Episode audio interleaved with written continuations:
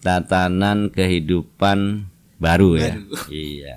Setelah mengalami kehidupan yang kurang normal, Iya, tidak normal. ini kembali memasuki tatanan kehidupan normal baru. Ya memang agak berat sebetulnya untuk dunia pesantren ini ya. Tapi memang waduh ini kegusaran kaum santri sendiri ya. Iya. Ini cukup cukup menggelitik ini. cukup menggelitik. Jadi begini,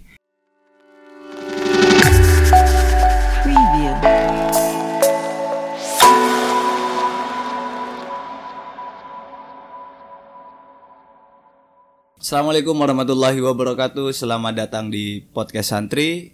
Ini adalah episode pertama dan saat ini saya berada di eh, kediaman salah seorang yang yang mungkin bagi saya tentu eh, akan menghadirkan sebuah diskusi yang berisi kali ini. Eh, saya berada di rumah Kiai Haji Abdussalam.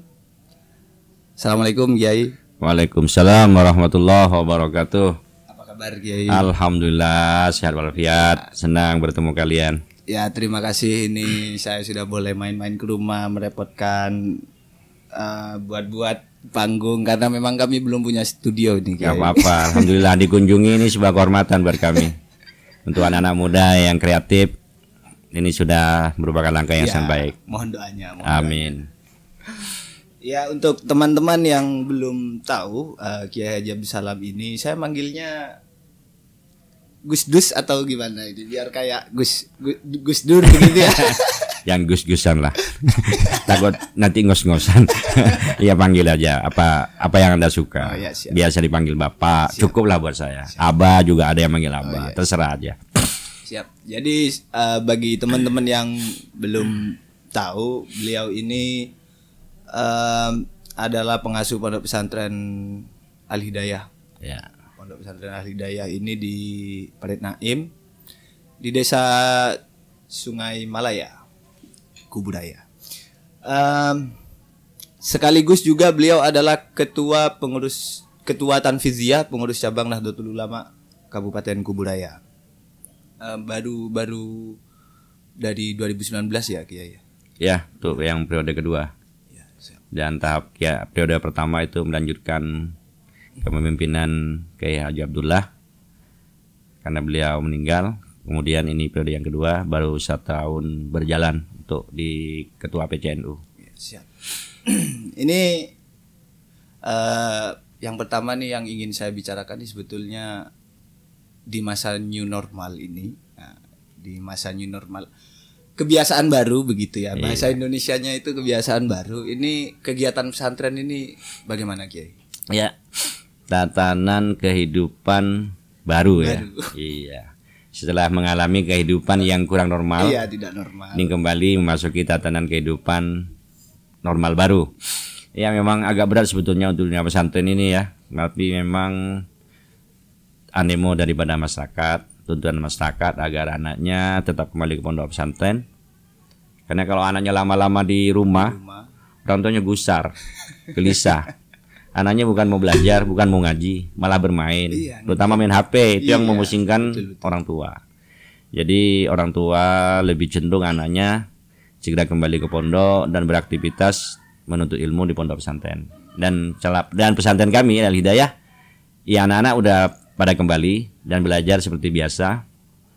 Walaupun di kehidupan new normal ini ya memang situasinya agak berbeda.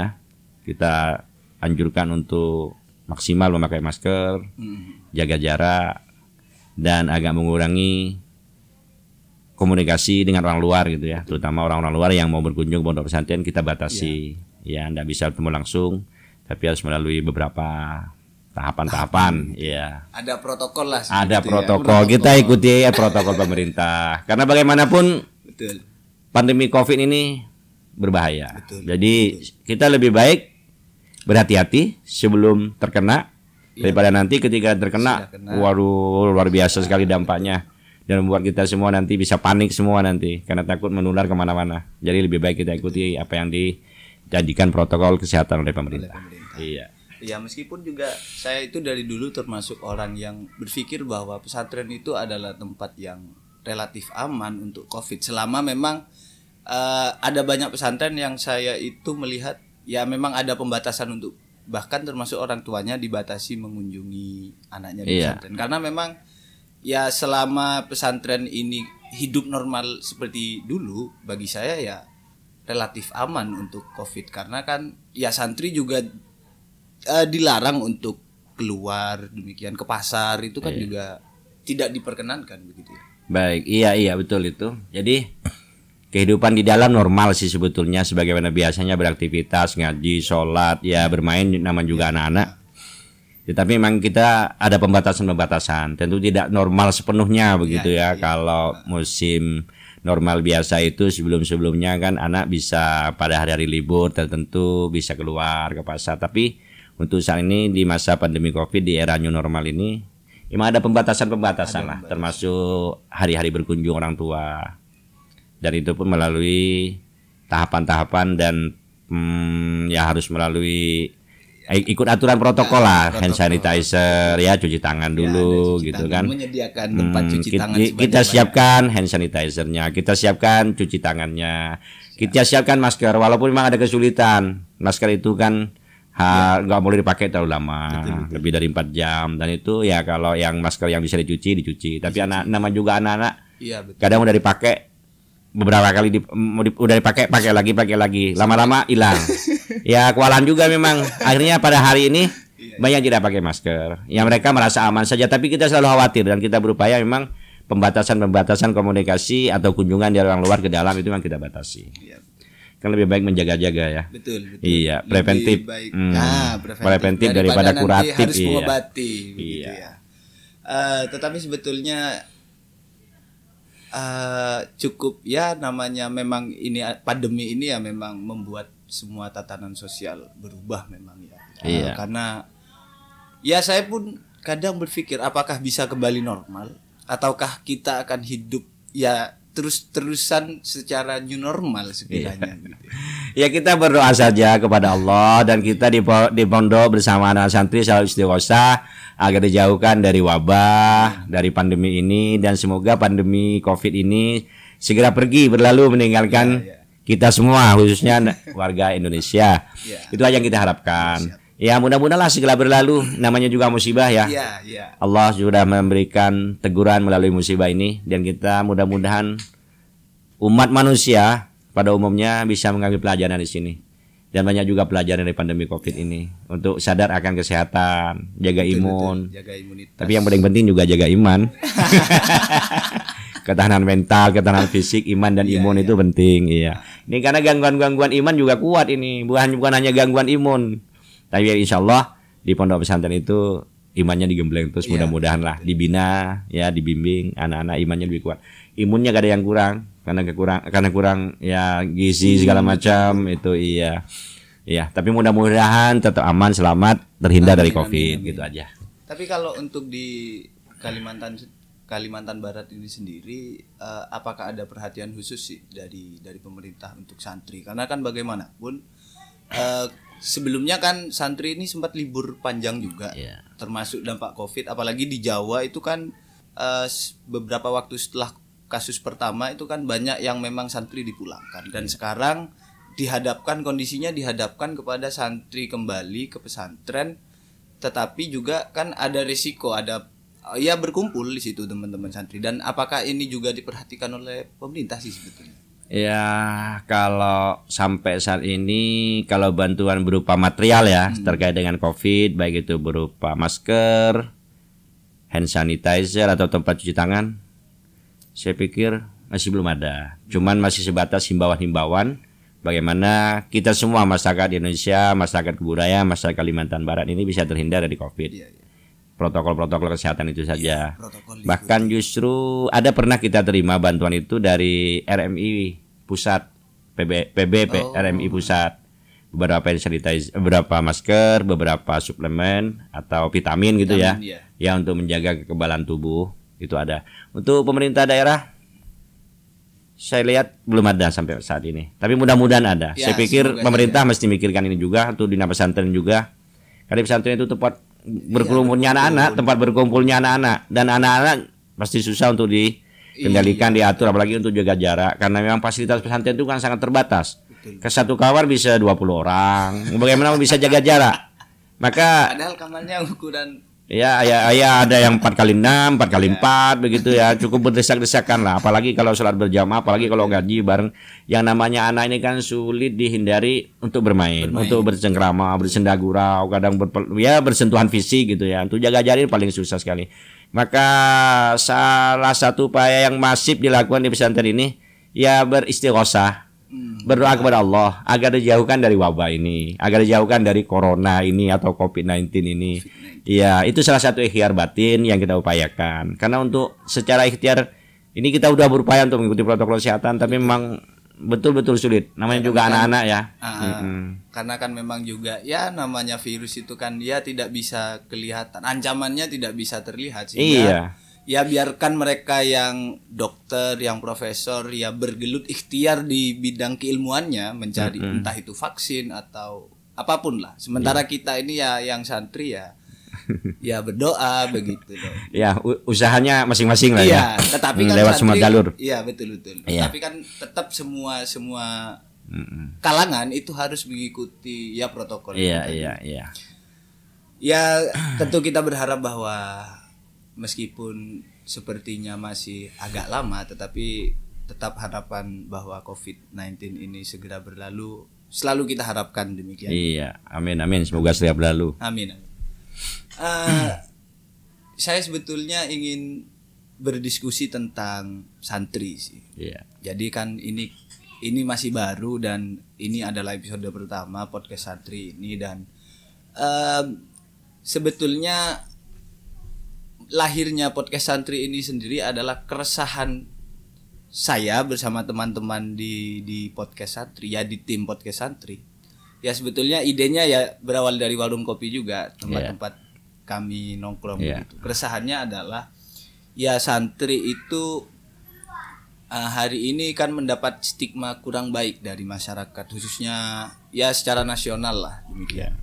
Entah itu stigmanya eh, saya pikir ada anggapan di luar sana yang menganggap bahwa ya santri itu tidak bisa apa-apa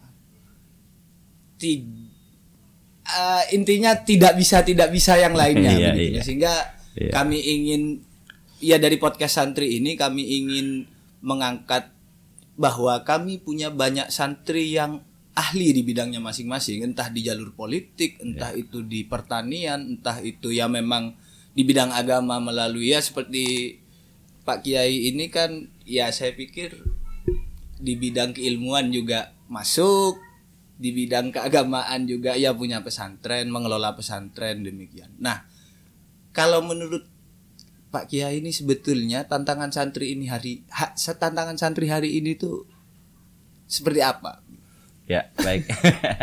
Waduh, ini kegusaran kaum santri sendiri ya. Iya. Ini cukup cukup menggelitik ini.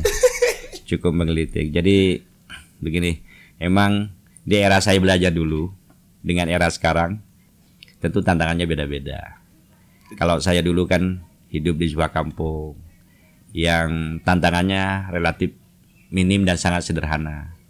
Tapi yang tadinya kampung sekarang udah berubah menjadi pinggiran kota dan bahkan di betul. tengah kota. Nah, tapi secara umum secara umum bahwa santri saat ini harus berorientasi kepada kebutuhan pasar, kebutuhan umat Oh, gitu iya. ya, kebutuhan umat. Jadi santri, pondok pesantren itu kan banyak variannya. Jadi orang tidak bisa berasumsi kalau orang pergi ke pesantren itu hanya bisa baca kitab kuning, ya kan? Nggak bisa hidup.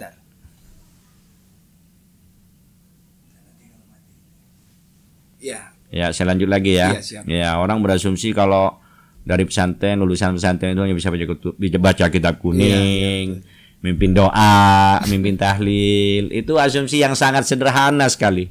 Mungkin untuk 30 tahun, 40 tahun masih agak tepat lah ya. Tapi kalau untuk sekarang itu Santi kurikulumnya ya Santi yang sekarang itu di pondok pesantren itu sekolah formalnya ada, sekolah diniyahnya ada. Jadi yang dipelajari bukan hanya pendidikan agama, tapi pendidikan umum juga. Udah nggak ada di nggak ada dikotomi lah antara pendidikan umum dan pendidikan agama. Walaupun pendidikan agama yang memang menjadi concernnya di beberapa pondok pesantren itu wajar karena memang pesantren itu adalah pendidikan agama sebetulnya. Tapi banyak juga yang uh, memas- uh, yang uh, pesantren yang mengikuti kurikulum kurikulum kurikulum nasional. Nah, jadi apa bedanya dengan sekolah-sekolah lain? Sama, malah justru di pondok pesantren ada plusnya. Plusnya ya. Kurikulum kurikulum sekolahnya sama, Umum. umum dapat, semua pelajaran yang ditentukan oleh pemerintah dapat. Yang tidak dapat di sekolah luar pesantren itu, kalau di pesantren itu kelebihannya satu, dijaga ibadahnya, dibimbing langsung oleh gurunya, Iya, betul. oleh kiainya, dijaga ahlaknya, dibimbing ahlaknya, dan diisi dengan ah, istighosa istighosa istighosa zikir bersama ah, zikir bersama istighosa itu kan dalam rangka mengisi batin. Dalam rangka mengisi batin supaya hatinya lembut dan ketika hati lembut gampang dibawa untuk kebaikan. Tapi kalau hati tidak keras kosat kulubum hatinya mengeras susah untuk diajak kebaikan. Males belajar males sholat males ngaji dan lain sebagainya. Tapi kalau hatinya lembut itu gampang diajak untuk benar. Maka aspek ini yang nggak ditemukan di luar pondok pesantren ya sekolah jam sekolah orang tua adalah lepas tangan urusan orang tua tapi kalau di pondok pesantren 24 jam dipantau terus Iya, iya. oleh kiainya oleh gurunya Oleh guru. sehingga ketika ada apa-apa yang kurang baik nah itu langsung bisa dibina untuk lebih baik lagi gitu Ya memang saya memang dulu pernah bertemu dengan salah satu eh, teman saya. Teman saya itu dia dari Jakarta. Iya. Dia, eh, sejak SM, SD dia itu mempunyai kecerdasan yang cukup baik. Eh, agak unggul lah. Kalau istilah teman-teman tuh bibit unggul lah kira-kira Iya. demikian. Dan ketika dia berangkat ke pesantren itu banyak tetangganya yang mau jadi apa? mencibir ya Iya, begitu. demikian. seakan-akan pesantren itu nggak bisa apa-apa Iya, begitu ya begitu. Lulusan pesantren kira-kira mau jadi apa begitu. iya iya Dan memang sebetulnya kan hari ini kita melihat bahwa pesantren ini sudah sangat variatif begitu. iya Eh, kalau mau yang salaf betul-betul eh, pesantren tradisional ada, iya yang agak modern ada, Ada, yang iya. benar-benar modern Ada. juga ada begitu. Iya. Artinya sebetulnya em, ya pesantren itu bis, seharusnya bisa menjadi alternatif bagi setiap Iya. orang tua begitu. iya Dan ah, ya pada akhirnya saya melihat ya memang betul sih. Tadi saya juga setuju kalau pesantren malah punya nilai plus. Karena ya di di sekolahan umum kalau kita di asrama itu kan ya kita nggak dapat.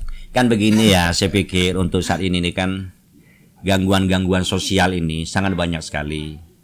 Ketika kita berada di katakanlah anak-anak itu berada di rumah pagi berangkat ke sekolah yang jarak sekolahnya dari rumah lumayan jauh. Kadang apa yang terjadi dalam perjalanan menuju sekolah pulang sekolah atau dari sekolah sendiri kadang orang tua nggak mampu mantau. Sehingga ketika jam umpama katakanlah jam 2 siang anak-anak pulang sekolah belum tentu langsung pulang ke rumah. Tanggal layap dulu main dulu. Ini kan tak terpantau. Kalau dia berteman dengan orang baik mungkin jadilah dia baik. Iya, tapi kalau dia salah pilih teman kena teman Iya. yang tidak baik mungkin dia bisa menjadi tidak baik. Nah faktor-faktor itu sangat mempengaruhi kehidupan anak kita sekarang apalagi lingkungannya anak-anak cenderung main ke warnet anak-anak cenderung nongkrong di warung-warung kopi ya browsing Atau warnet game dan lain sebagainya main mobile legends. di rumah juga begitu di yang di dalam kamar sekalipun bukannya tidur ya ah, tapi berasik masuk dengan betul. Dengan gadgetnya gitu HP-nya ya. sudah miring kan. ah iya. miring, nah kan. jadi banyaklah hal-hal yang yang dan hal itu dilakukan terus menerus itu efeknya juga kurang baik. Nah kalau di pesantren ini anak-anak kan lebih terjaga. Baik moralnya ibadahnya. Ya anak-anak juga disibukkan dengan kegiatan-kegiatan yang positif sehingga kecenderungan-kecenderungan dan dan dunia pesantren itu agak agak tertutup dari dunia luar. Sehingga polusi-polusi polusi-polusi sosial. Nah itu ya agak agak kurang lah begitu. Nah ini yang menjadi kegelisahan orang tua sekarang memasukkan anaknya ke pesantren itu salah satunya itu. Daripada anak di rumah kadang orang tua sibuk anak tak terpantau. Anak pulang sekolah orang tua nggak di rumah anak nggak betah juga di rumah. Ketika orang tua nggak ada di rumah anak pulang ke rumah nggak ada orang tua nggak betah juga. Akhirnya dia keluar cari temen ah, bersosialisasi dengan temannya bersosialisasinya bagus tapi kalau salah pilih temen nah ini yang berbahaya Betul betul. nah maka ketika di pesantren kan diawasi dan anak-anak santri itu biasanya lebih cenderung lebih menghormati gitu ya dan lebih takut kepada gurunya, lebih hati-hati Iya, kepada betul. gurunya begitu. Nah, yang paling penting ini kan begini dalam kehidupan ini kalau menurut saya. Pintar itu penting. Siapa pun orangnya kepingin pintar dan semua orang tua menginginkan anaknya menjadi orang pintar. Tapi lebih penting daripada pintar itu menjadi orang baik. Iya. Nah, harapan kita semua semua orang tua anaknya menjadi pengen pengen menjadi anaknya baik. Dan harapan semua orang tua pengen anaknya menjadi baik. Tapi bukan pintar yang didahulukan, tapi baiknya didahulukan.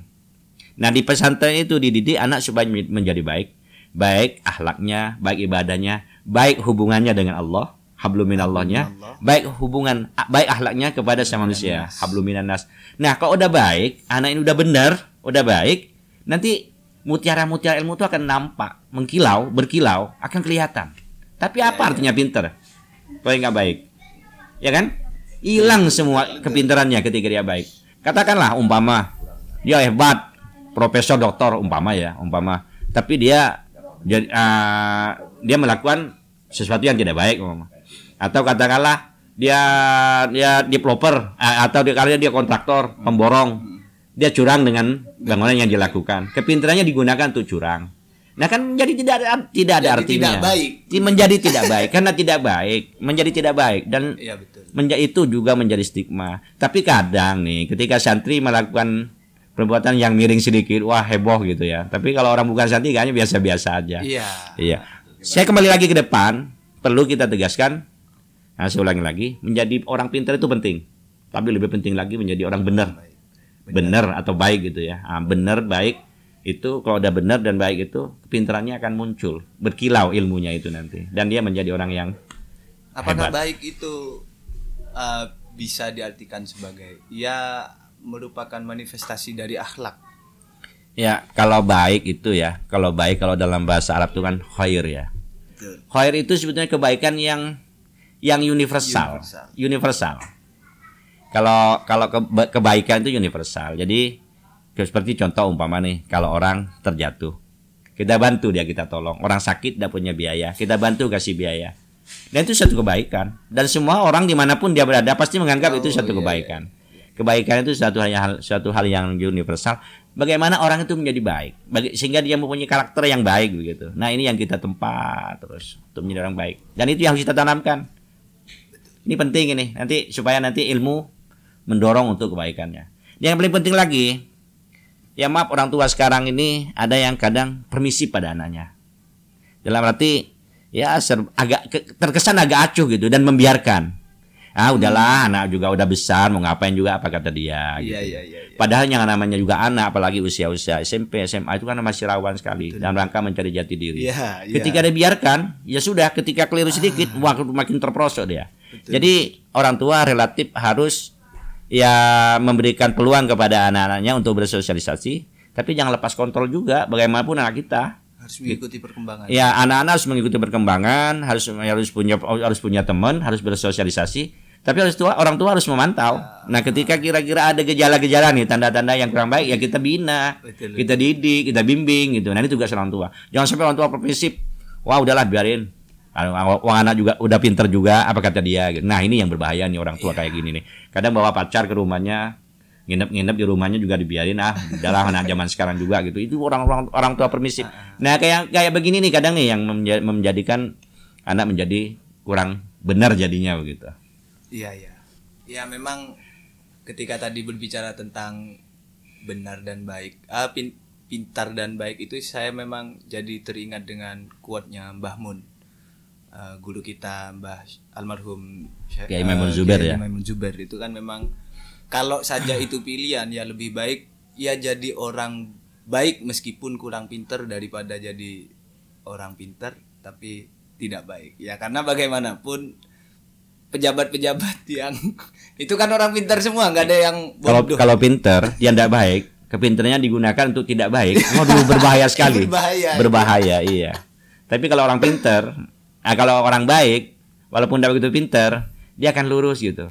Hidupnya akan lurus karena karena dia orang baik. Tidak merugikan orang lain. Tapi ketika pinter tapi dia nggak baik bisa merugikan orang lain. Ya, eh, ya sebetulnya memang banyak hal sih ketika kita berbicara tentang santri itu ya. Ya karena memang hari ini tentu diakui atau tidak ya harus diakui memang ya bahwa kita pernah punya presiden seorang santri Ya. dan hari ini pun wakil presiden kita adalah Kiai, seorang santri, santri, ya, santri, santri ya, begitu. santri ya. eh, ya meskipun strata sosi apa ya status sosialnya bukan lagi santri begitu Iya, iya, iya. Tetapi Ya kiai. santri dalam pengertian sosial lah Ah, ya. betul. Hmm. ya memang ya dan ba- masih banyak di posisi-posisi lain yang tidak hanya jabatan politik itu ya yang banyak santri juga yang Iya. memegang peran-peran penting begitu entah di pere- perekonomian sektor perekonomian demikian Iya. Eh, dan sebetulnya saya juga ingin bertanya tentang ini nih santri dan pendidikan KNU-an juga nih Kiai. Ya. saya dulu nyantri sekitar tujuh tahun Ya. nyantri sekitar tujuh tahun Eh, dan entah saya tidak entah, eh, saya sepertinya tidak merasakan begitu ya tetapi eh, pada akhirnya saya menyadari pentingnya saya ber-NU itu adalah ketika saya kuliah nah s- sekiranya sekiranya ini sepenting apa untuk memberikan pendidikan KNU-an Iya, gitu iya. kepada santri. Iya, iya, baik. Kalau di pesantren itu kan begini ya, biasanya kalau pesantren itu berafiliasi kepada NU, Kiai NU lah gitu ya yang pengasuhnya itu Kiai NU gitu. Biasanya santrinya pesan- santrinya santri, Santri NU. NU. Walaupun nggak ngerti NU gitu ya. Betul. Nah, ya mungkin ketika keluar dari pesantren lalu kuliah baru ak- baru aktif di organisasi, Organisasi di, ban- di salah satu NU, Bandung NU gitu, baru mengerti gitu ya. Tapi memang saya pikir untuk saat ini sampai saat ini yang namanya kelompok-kelompok ekstrim, kelompok-kelompok ya apalagi teroris gitu ya yang Iya. sangat menakutkan itu. Itu alhamdulillah dari NU itu masih kelihatan belum ada gitu. Belum ada ya. Karena memang di NU itu sendiri, di NU itu kan kita diajari dalam bersikap, bertindak dan berpikir itu kan tawasud, moderat ya, moderat, tasamu, toleransi, Toleransi. tawazun, seimbang, ta'adul gitu ya. Jadi dalam hal ini tawasud lah, kita diajari berpikir untuk tawasud, moderat, jalan tengah, jalan lurus, nggak berat ke kanan, nggak berat ke kiri. Nah, sehingga kita udah terbiasa dan di pesantren itu juga kita mengaji kitab itu kan sudah biasa diajari dengan berbagai macam perbedaan Ah, pendapat. Betul betul betul. sehingga nggak kagetan gitu. Kita ada orang Iya. berbeda pendapat kita nggak kaget. Udah biasa wong imam saja beda-beda pendapat. Imam Rafi'i dan imam Ah. Nawawi sama madhab Syafi'i juga sering berbeda pendapat. Ya Basroh dan Kufah dalam ilmu Iya, nahu betul. mm-mm, itu sering berbeda pendapat. Kelompok sama-sama kelompok besar. Jadi perbedaan pendapat sudah dianggap biasa tinggal bagaimana pilihan kita saja begitu. Jadi nggak kagetan gitu orang NU itu. Orang santri anak-anak pesantren itu nggak Ah. kagetan.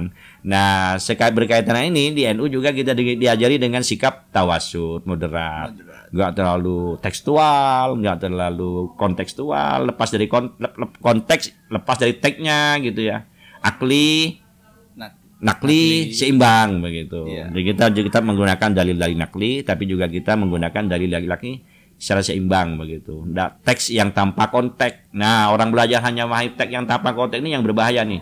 Nah, ini cenderung nanti menjadi radikal, ekstrim-ekstrim Iya. kanan gitu. kalau istilahnya Gus Baha itu khawarij. ini. Khawarij iya iya. Bisa, bisa iya. khawarij ini ya. Iya, jadi ayatnya sama. Al-Qur'an itu 32 sama, kita pahami semua sama. Cuman kadang interpretasi yang tidak sama, tapi ketika menginterpretasi ya, teks-teks wahyu itu dengan persepsinya sendiri, nah itu yang berbahaya itu nanti. Jadi harus memahami konteks-konteks pendapat-pendapat para ulama yang lebih luas sehingga kita bisa menjadi lebih menerima dengan perbedaan dan menjadi wasatiyah gitu ya, menjadi lebih moderat. Ya jika begitu maka ya saya juga kemudian menyadari bahwa ya selama saya di pesantren mungkin memang tidak ada pendidikan keilmuan formal tetapi artinya tadi kan setelah penjelasan itu bahwa santri itu sebetulnya diajari dengan cara-cara kehidupan NU Iya. dengan bahsul masailnya bahwa berbeda itu biasa, Biasa, saja iya. Ndak, ndak, ndak ini ya, ndak kagetan gitu ya. Iya. Iya, beberapa itu biasa. Ya kita Jadi itu masail. salah satu pelajaran berdemokrasi juga sebetulnya, iya. Eh, terakhir nih sebetulnya Ya. eh, saya ingin eh, bertanya satu hal tentang pendidikan.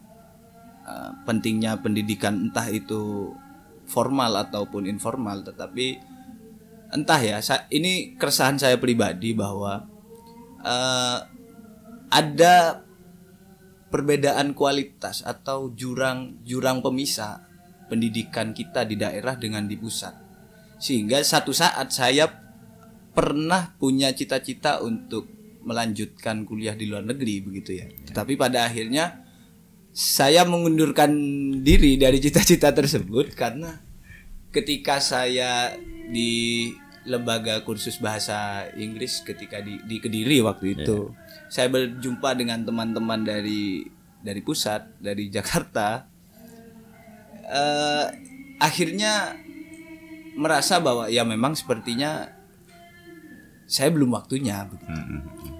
Nah, eh, untuk orang tua nih, eh, saya pikir kadang orang tua ini ada yang menganggap bahwa ada mindset yang mengatakan bahwa buat apa sih kuliah tinggi-tinggi itu aja yang nggak kuliah kaya itu yang kuliah Iya, iya. S1 Iya. biasa-biasa saja Iya.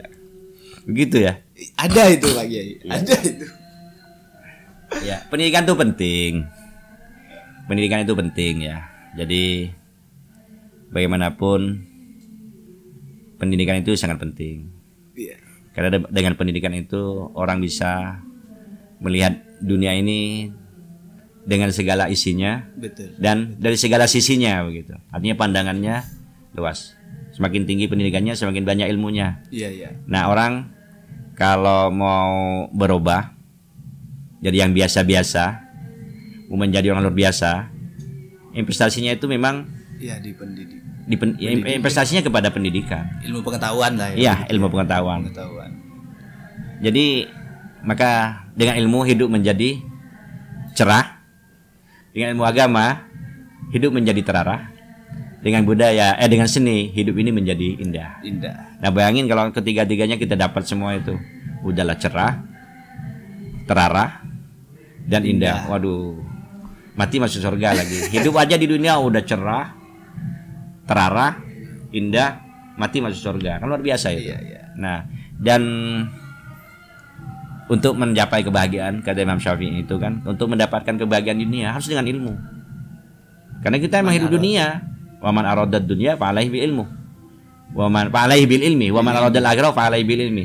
Waman aradal ma fa'alaihi bil ilmi Kalau mau bahagia di dunia Ya harus punya ilmu tentang keduniaan Kalau mau tak bahagia di akhirat Ya harus punya ilmu akhirat Kalau mau bahagia dua-duanya Ya kedua-duanya kita peroleh Wong ilmu agama ilmu umum itu juga ilmu ilmu Allah semuanya betul betul Al-Quran itu membahas semua aspek segala macam ilmu itu di Al-Quran sama. Jadi kalau kita belajar Al-Quran semua ilmu kita pelajari sebetulnya. betul Tidak ada dikotomi ilmu ini, ilmu dunia, ilmu iya. akhirat gitu ya. Ilmu Allah semua itu. ya artinya eh, saya sebetulnya punya alternatif cara berpikir bahwa menurut saya ilmu itu tidak menjamin eh, perekonomian tetapi dengan ilmu eh, Anda bisa bisa mendapat apa ya mencapai perekonomian yang lebih baik dengan ilmu demikian Ya. sehingga harus dipisahkan bahwa memang eh, mencari ilmu itu bukan membuat orang kaya demikian ya Ya. Iya. Jadi begini ya. Kalau kata Nabi itu al ilmu afdalu minal mal. Ilmu itu lebih baik daripada daripada harta. Dan itu hujahnya argumentasi yang diutarakan oleh Sayyidina Ali itu sangat banyak sekali. hmm, Ilmu itu memerdekakan orang.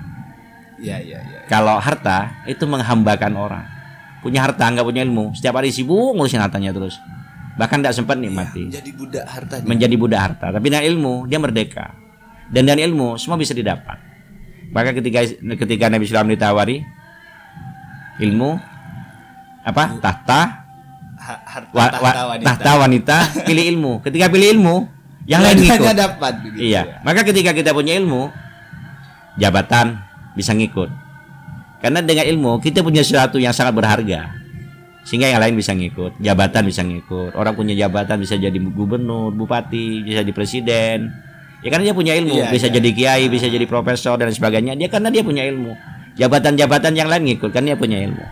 ilmu itu seperti mutiara gitu ya walaupun disimpan di mana aja walaupun kadang kurang terasa kadang kurang kurang kurang bersih ketika dibersihkan dia tetap memancarkan kilaunya di mana aja berkilau orang pintar itu begitu jadi kalau mau merubah nasib ya harus dengan harus dengan berilmu nanti tahtanya wanitanya ngikut, Ngikut. nah ketika ilmunya udah didapat Ya, ya. ya Ya, eh, terima kasih.